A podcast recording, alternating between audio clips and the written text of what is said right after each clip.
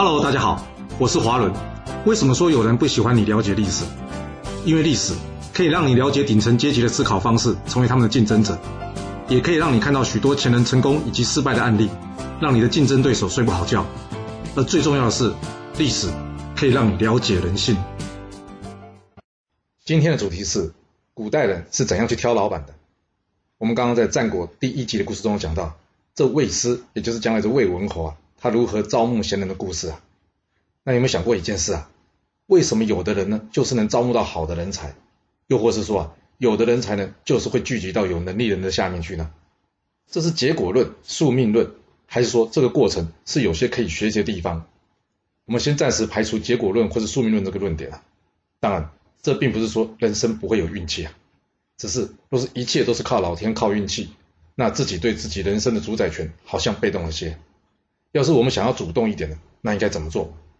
先了解一件事实啊，目前的公司制度其实比较像是专制的制度，虽然会受到一些国家法律的约束，但是千万别跟平常日常生活中的民主制度拿去做同一个比较。所以在公司中，负责人的地位就几乎啊就类似于国君。而我们常常听到一句话是什么？良禽择木而栖。换句话说，好的人才啊也会选择在好的地方发展。简单来说，就是好人才啊，要有会挑老板的能力。那我要如何知道这老板好不好呢？还是那句话，听其言，观其行啊。在今天的故事中，这田子方虽然已经到了卫师那边上班了，但这并不表示他没有跳槽机会吧？要是他发现这老板糟糕透顶，我想他也会考虑换工作的。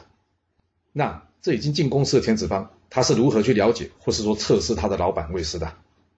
他借着吃饭的时候啊，纠正着魏师的错误。要知道，这魏师能听出乐器演奏走音啊，表示他对这方面呢有一定的鉴别能力，或者是说专长。但是田子方啊，竟公然挑战魏师的专长啊，对于国家治理并不合适。这等于是当场在打脸老板。那老板的反应是什么呢？别说是老板了，一般人的反应大概都会生气吧。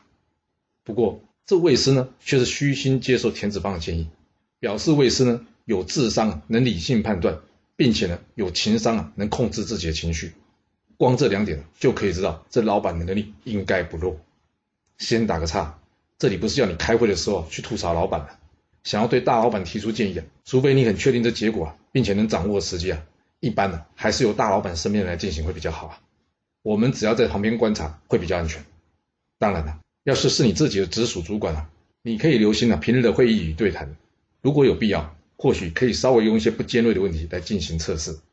一个原则就是这个人的智商与情商的水平呢，是不是你可以学习的地方？另外，主管个人的品性操守也非常重要。那或许有人听到这会说：“哦，又要讲仁义道德这老掉牙的话题了。”别担心了，我不是大师，没有办法了在这里长篇大论说出一番大道理来。不过以我多年在职场上的经验告诉我一件事啊，要是这个人不守信用，或者说品格有问题啊。那这个人做的事啊，绝对没有下限。跟这样的人在一起啊，我们得随时小心啊。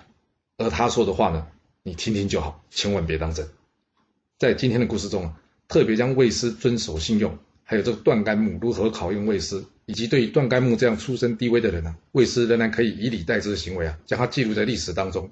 其实啊，这就是古人在告诉我们呢，他们是如何判断一位好老板的标准。跟没有品格的人呢，或许可以一时为利益而结合。但是啊，你得随时提防啊，对方在你背后捅刀。而对于这没有信用的人呢，那更是得随时小心对方会说话不算话。这样的隐形交易成本呢，你自己可以评估一下，自己是不是可以接受。刚好现在又是年底了，我就说说两个我自身的例子，跟大家分享一下吧。我之前服务的公司啊，每到了年底啊，大老板会到各个分公司去巡视，而这大老板一来，主管们呢，免不了要大家说一些好听话给大老板听。我看到这大老板呢，虽然笑容亲切，但是他情绪稳定，可以猜得到，这大老板的情商控制啊，应该是有一定的水准的。这怎么说呢？因为啊，你只要看看他后面的总经理，也就是他儿子啊，听到员工的欢迎之声呢，他就开心到笑得合不拢嘴啊，眉飞色舞。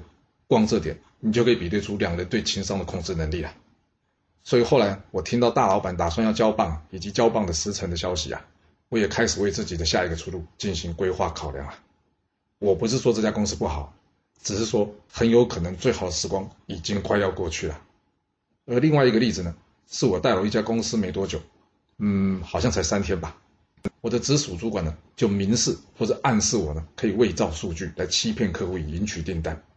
毕竟数据的真实性与内容啊，都是我们公司提供的，客户非常难以辨别真伪。的确啊，客户或许真的非常难以辨别真伪啊。但是要是客户能辨别出来呢，出了事可是有法律责任的，那这锅要谁来背啊？我的直属主管呢，只是口头建议，可没有任何书面哦。对于他的要求。到底是应该续印故事，或是直接拒绝，得看你当时所处的环境才能决定啊。不过，若是你听命执行，但却没有留下任何证据证明他下这个命令，那很可能就是对方掌握你的把柄，可以对你予取予求的开始啊。那你觉得这样的木真的是好木？你要让自己变好，还是继续抱这根浮木呢？或许啊，真的很难看得出来，主管或是老板有没有原先，但是信用品格。以及他是不是一直在处理紧急的事情，而不是规划未来的工作？相信这一点呢，在客观上应该是可以看得出来的。无论如何，若可以提升自己的实力，让自己有多一点的选择权，并且学会如何去选择，生活才可能会更轻松，或者说更开心点。你说是吧？若是您有其他想法，也欢迎你留言分享你的看法给大家哦。好了，我们今天就先说到这。若是你想要知道完整版的故事内容，欢迎您可以到说明栏中找到我爱故事频道的连结。要是你喜欢这个频道，还要麻烦您动动你的手指，点赞、订阅、追踪，或是给我五星评价的支持以及留言分享哦。